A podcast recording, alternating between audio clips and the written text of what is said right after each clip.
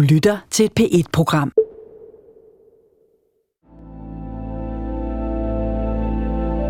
Jeg kigger på mig selv og spørger, var det i orden? Der er loven og en menneskeanstændighed. Og så i min verden også videnskab. Altså, hvor er grænsen? Ikke? Hvor er grænsen? Søren Ventegodt blev i 2005 Danmarks kendt under navnet Dr. Klam. Han kom 12 gange på forsiden af Ekstrabladet. Han mistede sin fondstøtte, sine lokaler og sin indtjening. I 2005 var det Søren mod Danmark. Debatten var ophedet og hektisk, og sagen var usædvanlig og kompleks. Og selvom stormen varede ved, kæmpede Søren Ventegodt videre for sin tro på den holistiske behandling og afviste alle anklager. Det er jo vildt. Jeg, jeg har ikke haft sex med hende. Jeg har ikke haft sex med hende. Jeg hjælper hende med at fortolke drømmene og integrere de ting, der ikke er hendes underbevidsthed. I mange år er jeg i mit stille sind vendt tilbage til den sag i 2005. Hvem er den her mand, der bruger så til synladende voldsomme metoder, men stoler fuldt og helt på dem selv? Søren har også i alle de år spekuleret på den sag, og da jeg kontaktede Søren, så sagde han ja til at deltage på en betingelse. Jeg skal, når vi når til vejs ende af projektet, fortælle Søren, om han er en slem person eller ej. Du lytter til programmet Læge søger grænser, afsnit 4, Hjælp.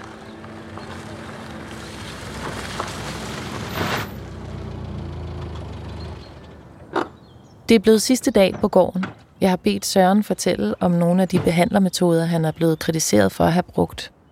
Deriblandt det genitale kys, vaginal akupressur og rollespil. Hvad med det genitale kys? Jamen, det var et kys på Venusbjerget. Jeg gav det til en kvinde, der hader sin krop. Hun var overbevist om, at hun er fuldstændig afskyelig, så ingen mand nogensinde vil kunne holde af hende. Og jeg kyssede hende for at vise, at det var ikke min oplevelse. Det er den, den største generøsitet, jeg kan udvise overfor denne menneske. Og jeg skrev det også i journalen, jeg har gjort det. Det er jo derfor, jeg blev kritiseret for det. Det er fordi, jeg har journalført det som en, en del af behandlingen, ikke sandt? Altså, det er ikke sådan, ej, der fik jeg lige øh, slikket hendes fisse, og det er der siger vi ikke til nogen, forstår du? Det er ikke lige på den måde. Men det er jo sådan, det blev udlagt. Hvordan i himlens navn, altså, kan det blive til det? Altså, kan det blive til seksuelt misbrug? At jeg, at, at, at jeg viser hende, at hendes krop ikke er afskyelig for mig. Altså, hvordan, hvordan i himlens navn kan, kan det blive udlagt på den måde? Søren forklarer alle sine metoder, men det virker stadig voldsomt på mig. I min uh, videoterapeutdage, så brugte jeg det her similaritetsprincip. Som jo så er afstedkom, at du, at du på et tidspunkt har været nødt til at slå en patient. Ja, det der var situationen, det var, at den her person havde levet i et voldeligt forhold, så vidt jeg husker. Og havde fået rigtig, rigtig mange bank. Hun kom fra Polen, hvor hun havde fået altså bank konstant i årvis. Og hun var blevet så kudet, at hun ikke kunne blive vred. Altså hun havde simpelthen taget den position, at det var rigtigt, at hun blev slået, fordi hun, det, var, det var sådan, hun fortjente at blive behandlet. Og hun havde det problem, at hun, hun kunne ikke blive vred. Hun tog altid den her kudeposition, den her bankede position, offerpositionen. Efter lang tid, hvor vi havde prøvet alt muligt, og ingenting virkede, så forestod jeg hende, at vi lavede dramaterapi omkring det. Vi aftalte så, at, øh, at jeg skulle slå hende, for at hun kunne komme tilbage i oplevelsen af at blive slået, så hun kunne komme, komme ind i det og, og arbejde med det, fordi hun kunne ikke få fat i det rigtigt. Efter sådan en meget altså, tydelig terapeutisk kontrakt, ikke? det skal jo altså, virkelig være tydeligt, for at det kan misforstås. Så, så lavede vi så det her, det her drama, hvor jeg stod med flad hånd i hovedet, og så gav hende lussing, ikke? Det virkede, altså efter hensigten. Altså hun eksploderede i raseri, og hun overfaldt mig, og hun bankede mig med knytten og sparkede, så, så jeg rullede mig sammen til en kugle på gulvet og lå der og passede på mig selv, mens hun altså, gennembankede mig i 10 minutter eller sådan noget. Uh, og, og så var det problem jeg sådan set løst.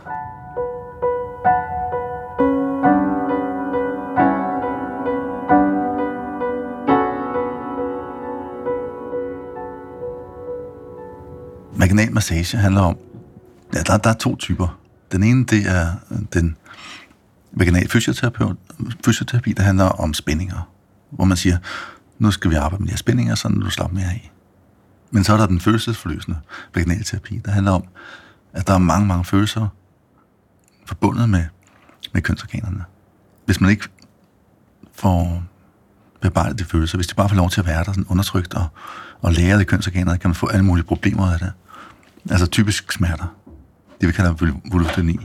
Så det at få den seksuelle energi til at strømme på den rigtige måde, det er i virkeligheden terapiens modsætning. Og det er fordi, der findes kun én energi i os, en livsenergi i os, og det er den seksuelle energi. Der er kun seksualiteten som livskraft. Livskraften er seksuel. Og jeg drømte om den svaner i nat, og så men også lidt om dig. Og du bad mig om den kys i min drøm, jeg gad ikke sige nej. En af de ting, som Søren også har gjort i en behandlingssituation, var at synge sangen Visen om de 18 svaner. Han havde en patient, der fortalte ham, at hun havde seksuelle drømme om ham, og han responderede med den her vise. Da jeg drømte, du kom, så du ingenting fik mig om. Søren siger selv, at det var i de vilde terapeutdage, at han kunne finde på at gøre den her slags, og at han i dag med sit arbejde på gården og med det, han kalder det holistiske hospital, arbejder anderledes. Forbi mit vindue i går og forsvandt så, Gud ved hvorhen.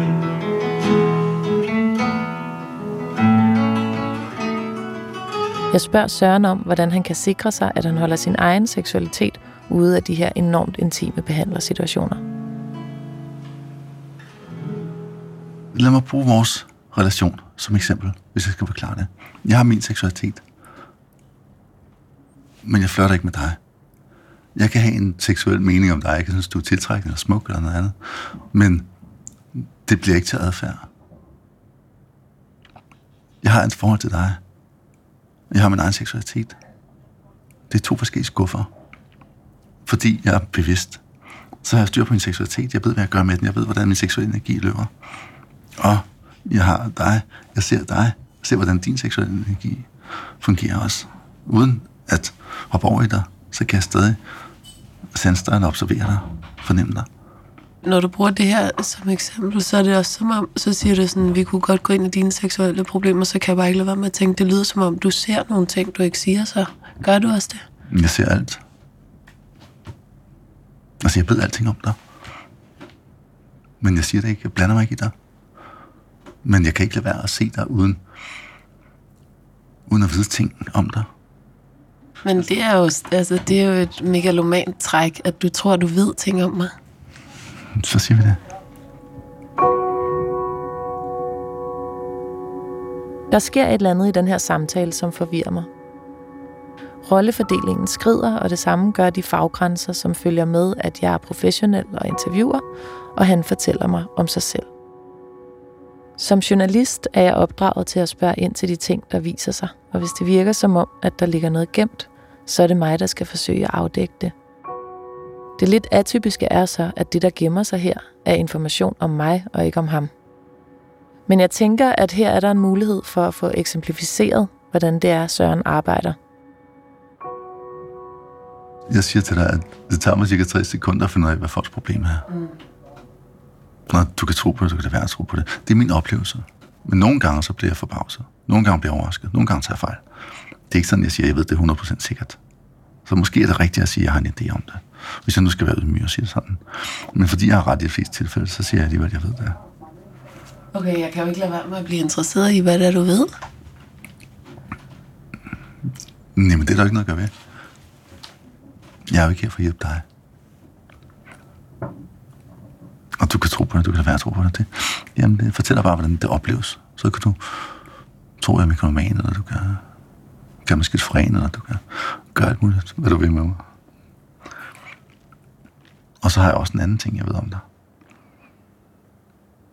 Det er fordi, jeg kigger dybere ind, så jeg ser, hvem du er som liv, som sjæl, som potentiale. Og du vil ikke sige lidt om de to ting, du ser? Nej, det vil jeg bestemt ikke. Fordi, hvorfor skulle jeg det? Fordi jeg er nysgerrig. Det har ikke, det har ikke sin plads. Jeg er ked af det. Det har ikke sin plads. Så det er i virkeligheden her, hvor at, øh, jeg møder dine grænser, eller hvad? Nej. Du møder ikke nogen grænser. Men hvis jeg skulle sige det, så ville det være, fordi jeg skulle hjælpe dig. Altså, Altså, jeg vil virkelig... vi- Prøv at høre. Men, men Okay, bare, okay, okay. Men lad mig sige det sådan her. Jeg elsker dig. Hvis vi var alene på en øde ø, så kunne jeg gifte mig med dig. Så er jeg elsker dig. Alt er muligt for os to. Men jeg har en kone, så jeg er ikke interesseret i dig. Og jeg har masser af venner, så jeg har ikke behov for, at du skal være min ven. Så jeg vil gerne hjælpe dig. Som jeg vil hjælpe alle mennesker, jeg holder af. Men bare det sprog til kærligheden, det, det er så svært i vores kultur. Vi har fuldstændig glemt, når Jesus han sagde, elsk din næste som dig selv. Og når jeg siger til dig, jeg elsker dig, så siger jeg det på den måde, fra det sted. Og folk de sidder, fordi vi er så forkryblet og så seksualiseret og så øh, seksuelt bornerte og, og så underlige omkring seksualitet og kærlighed, så sidder de og tænker, at det jeg sidder og siger, det er, at jeg gerne vil knalde med dig. Men det var faktisk ikke det, jeg sagde. Jeg sagde, jeg elsker dig. det er jo en vigtig brik i, i fortællingen om dig. Det her, synes jeg. Hvad, hvad lærer du om mig? At du er grænseoverskridende. Vi er her, fordi du portrætterer mig. Vi er ikke her, for at jeg skal hjælpe dig. Men mindre vi aftaler at gøre det, så vil jeg gerne gøre det. I samme øjeblik, vi har en aftale om, nu hjælper dig, så kommer ordene til mig, så siger jeg ting til dig. Okay, så hjælp mig.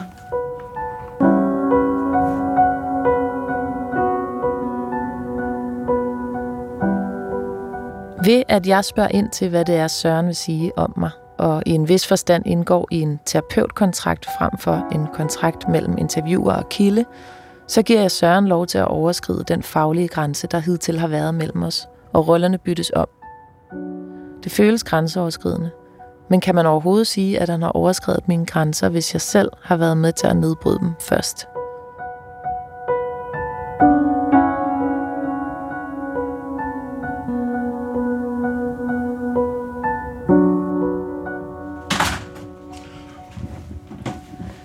Du siger, at du er lidt hektisk i dag.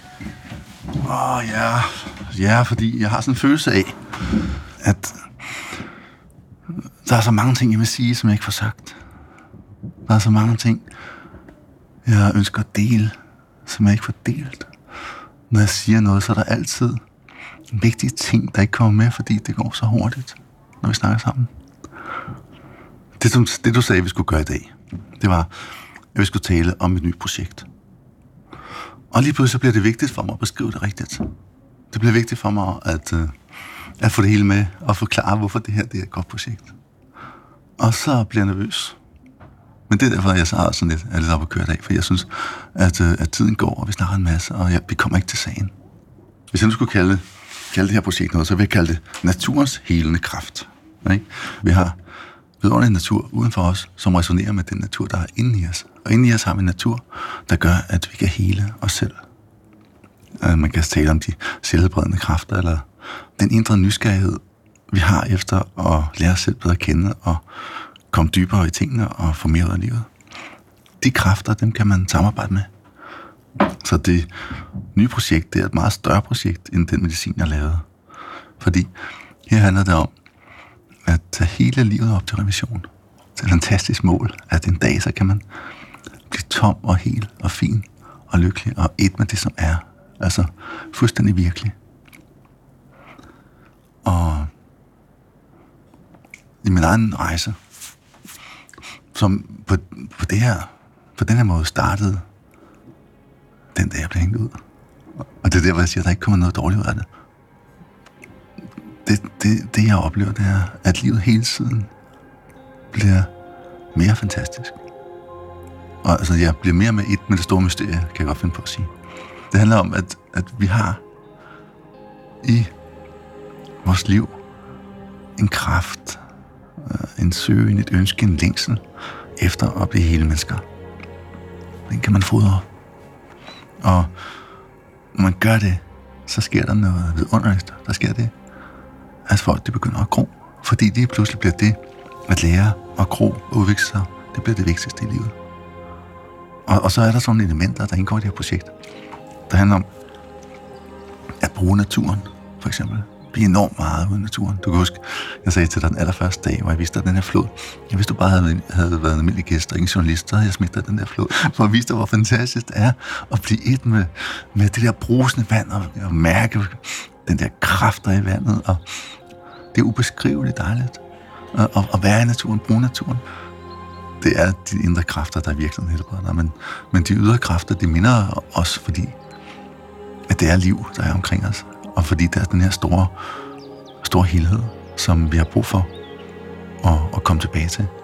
Så minder naturen os jo om, om det guddommelige os selv. Og det er projektets kerne.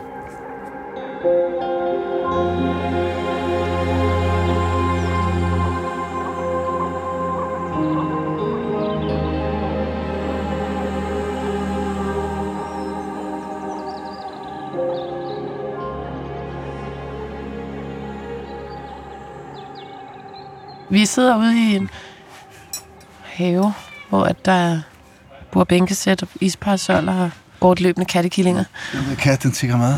Ja. Ja. Gå der, gå, gå. Sådan der. Jeg er lidt hård i den, hvor den skal tikke, tikke vores mad. Nej. Nu har du bedt om hjælp. Men øh, nu skal jeg skælde ud. Er du klar til at blive skældt ud? Jeg, jeg tænker da ikke, som, at jeg som voksen menneske skal have skæld ud i øvrigt. Nå, men så vil jeg ikke sige, hvad jeg... Kan du ikke bare sige det i stedet, Nej, nej, uden det at skælde ud? Nej, det kan jeg desværre ikke. Det er sådan, vi arbejder. Det er jo en terapeutisk kontrakter her. Alt, hvad jeg gør er overgreb. Det skal jeg have tilladelse til. Jamen, er det, en terapi, er det en terapiform at blive skældt ud? Ja, det er det. Jeg hjælper dig. Prøv at hjælpe dig. Hvad, hvad kræver det, at man bliver skældt? Altså, hvad skal jeg, hvordan skal jeg have det, for at det er okay at blive skældt ud? Nej, du skal bare sige ja til at blive skældt ud. Men det har jeg da selvfølgelig ikke lyst til. Nå, okay. Nå, men så er det sådan der. Om, altså, det er da klart. Hvem vil sige ja til at blive skældt ud? Folk der er nysgerrige på, hvad jeg vil skælde ud over, selvfølgelig. Så holder vi den bare her, jo. Det er også i orden. Hvor højt kommer du til at råbe? Jeg råber ikke. Okay, så skal du ud. Okay. Nu skal du fandme tage dig sammen. Nu skal du, nu skal du ind i kampen. Nu skal du holde op med at være så kold. Fordi det tjener dig ikke at være så kold. Du er ikke kold i røven, men det, det, det er ikke godt for dig at være kold. Så jeg skal ud og siger, du er for kold. Nu må du tage dig sammen. Nu må du ind i kampen. Og, og vare til dine egne interesser. Og kigge på tingene fra et større- større perspektiv. Hvad er det egentlig, du skælder, skælder ud over? Jeg skælder dig ud over hele dit liv, den måde, du lever på, og din indstilling til alting. Hvor du er alt for tilbagelænet og indifferent. Min kritik af dig som person er, at du er indifferent. Ikke? Det vil sige, grund- du er grundlæggende ligeglad med alting. Og det synes jeg er uforskammet. Det er ikke sandt, det er ikke hensigtsmæssigt, det er ikke rigtigt. Fordi du får ikke levet dit liv øh, fuldt og helt på den måde. Jeg snakker om, hvordan jeg oplever dig som menneske. Men du har kun kendt mig i tre dage. Jamen, det vil jeg sige efter et minut. Jeg ser, at du er indifferent, og det synes jeg ikke, du skal være. Jeg siger, se at komme hinsides den lille, sørgelige, kedelige, uinteresserede person, og engagere dig ordentligt i livet og verden. Jeg kommenterer på din personlighed. Jeg siger bare, hvordan jeg oplever dig. Du har bedt om en hjælp, og så prøver jeg at hjælpe dig. Det er alt. Du glem ikke, at du har bedt om en hjælp. Du har åbnet op for en pose, hvor jeg har sagt, hvis du åbner op for den pose, så er jeg nødt til som journalist at se, hvad der er på bunden af den. Men det er der på bunden af den. Okay. der er min oplevelse af dig, hvor jeg oplever, at du har et meget større potentiale for at leve, end det du får levet. Fordi at du har den holdning, at du er kold at du er indifferent. Bare neutral. Ja, du er neutral, men det skal ikke være om for livet. Det er jo helt forkert at være neutral. Man skal brænde for livet. Man skal ikke være neutral. Som journalist skal man være neutral, så neutral man nu kan. Jamen, så lad os sige, at du har fået en arbejdsskade. Det er også fint nok. Men så må du kurere den arbejdsskade, ikke? Så dit glas vand oven i et stankelben. Nej, det var siden af. Den næste kærlige størrelse. det var siden af. Og jeg opdagede først, at det var der, så jeg havde sat glasset. Og så måske tænkte jeg, så havde jeg sat det Den har flået sin fod, det kan jeg se.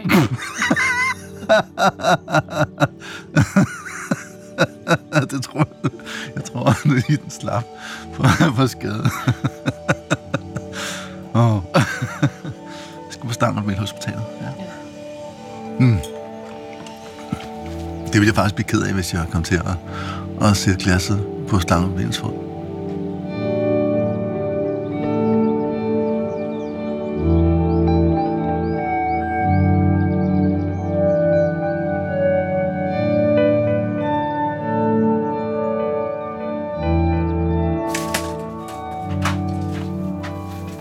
Nu er, jeg, nu er jeg på vej ud af der, hvor jeg har sovet.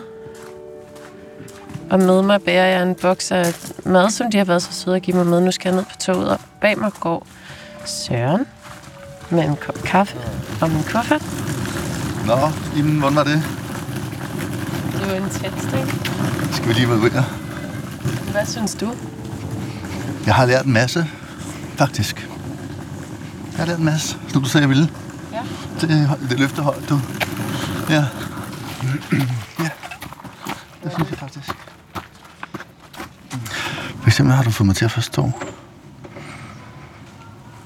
det smukke i det grofelt, hvor det hverken er sort eller hvidt, men bare nuanceret og dybt. Hvor man ikke går efter den der enkle flade sandhed, men hvor man det virkelig er, som den er, så kompleks og facetteret og mangesidig og indviklet. Det, det, der synes jeg, skulle du have den pointe. jeg synes, det bliver sådan lidt, lidt hårdt arbejde, når tingene er nuanceret. Hvem har fortalt, at tingene enten skulle være slemme eller ikke slemme, for eksempel? Nå, men det er bare sådan, jeg selv tænker. Enten er de sande, eller også er de ikke sande. Altså, der er ikke så mange nuancer i det. Men øh, jeg kan godt se gennem dine briller, at øh, det er for simpelt. Sådan er det virkelig. Men hvor tror du, den opfattelse kommer fra? Den kommer fra de to lag i mig, hvor jeg synes, jeg har et falsk lag og et sandt lag. Og så kommer fra det falske lag, så er det falsk, og hvis det kommer fra det sande lag, så er det sandt. Der er jo, altså, jeg er jo meget simplere bygget, end du er. Du er sådan en dybt kompliceret menneske, men jeg øh, synes, jeg selv er utrolig simpel. Hvorfor er jeg kompliceret? Du er bare meget kompliceret, ikke? Den var meget nuanceret, meget, mange, mange facetter, mange tanker, mange overvejelser. Men jeg kom til at elske din måde at se på verden på, selvom den ikke er min. Jeg kom til at virkelig holde af den. Og det havde jeg sgu ikke regnet med. jeg lige skulle... Så sådan en kursus her, det var meget, meget sjovt. Og jeg kan se det frugtbare i, i dialog og samtale. Det, det er der jo ikke i, i, kan du se, det hvor jeg kommer fra, der er jo ikke nogen samtale, der er ikke nogen dialog. Hvis tingene er sande, kan de ikke diskuteres. Hvis de er falske, kan de ikke diskuteres. Der er ikke noget at snakke om. Hvad? Men i min optik er jeg jo god, og verden er ond. Altså, okay, bortset fra selvfølgelig, at, at jeg ved godt, at det er en materialisering af min egen indre urenhed. Sådan at den ondskab, jeg ser i verden, eller oplever i verden, er i virkeligheden en projektion af min egen sort side. Meget mørke, ikke sandt? Så, så, så, så, så, så der er lys og mørke. Hvordan oplever du, at jeg oplever dig så? Jeg, jeg tænker det sort-hvidt. Ikke? Jeg tænker, at jeg er god i orden, og verden er slem, hvis den ikke synes det. Og hvad tænker du så, jeg tænker? Ja, Siden du siger mere du, du, tænker, du tænker, han er ikke god, han er ikke dårlig. Du tænker, han er det, man kan forstå det, men øh, man, kan ikke, man kan ikke putte det i en kasse, godt eller dårligt. For der, der er så mange facetter, der er så mange ting, der strider mod hinanden, der er så mange måder at se det på. Man hele tiden kan vente og se det fra en ny vinkel, så man kan ikke komme til en endelig konklusion om noget er godt eller dårligt. Om jeg er god eller dårlig, det tænker jeg, at du tænker. Synes du, jeg er slem, når du får lov at kigge indenfor? Ja. Nu viser jeg dig ærligt alting. Du får lov til at kigge i alle skuffer, alle gemmer, alle hjørner. Jeg giver dig det løfte, at jeg ikke skjuler noget for dig. Du kan spørge om alt. Og det har du gjort flittigt, skal jeg love for. Vi har lige været omkring min seksualitet og min brors død og forhold til mor og far. Og, og det der, der er sgu ikke lagt fingre mellem det.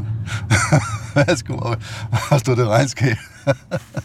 men, ikke? Men, men, det, men det, som jeg håber, at, at du ser, det er, at du ser mig selv med mine øjne. Ikke? Og siger, men jamen, jeg er inden for den her lille firkant, hvor tingene er i orden. Der holder mig der så godt jeg kan. Altså nogle gange med rose, den blå rose, der træder jeg lidt forkert. Men jeg kan jo ikke vurdere dig med dine øjne. Jeg er nødt til at vurdere dig med mine øjne. Ja, det er klart. Så jeg er spændt på at høre, hvad din konklusion er. Nej, for du har lige selv medgivet, at der kommer sgu nok ikke nogen. Nå, men aftalen er, at du skal svare på det. Er slem eller ej? Det var kontrakten. Okay. Så du der sådan, må komme svar. Det vil jeg afkræve dig. okay.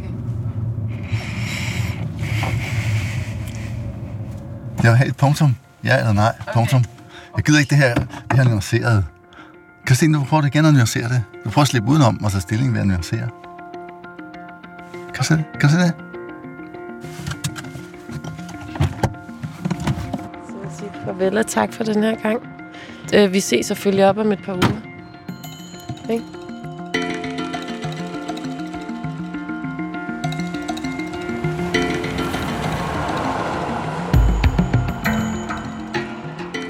Jeg tager toget mod København, og jeg må indrømme, at jeg er endnu mere uklar omkring min aflæsning af mennesket Søren Ventegodt, end jeg var, da jeg kom. Han er karismatisk, han er gæstfri, han er varm, og samtidig så er han dominerende og uforudsigelig. Jeg kan simpelthen ikke finde ud af, hvad det siger om enten mig eller om Søren, at jeg ikke hverken kan aflæse ham eller dømme ham. Jeg har udbedt mig et par ugers betænkningstid, for Søren han vil have en dom. Han vil vide, om han er slem eller ej.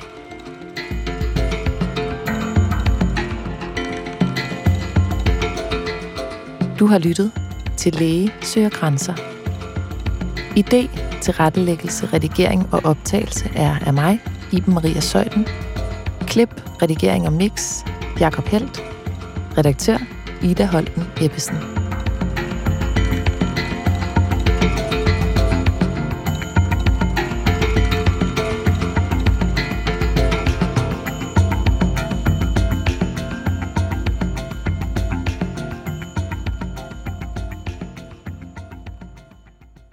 Du kan finde alle P1-programmer på dr.dk-p1. Det giver mening.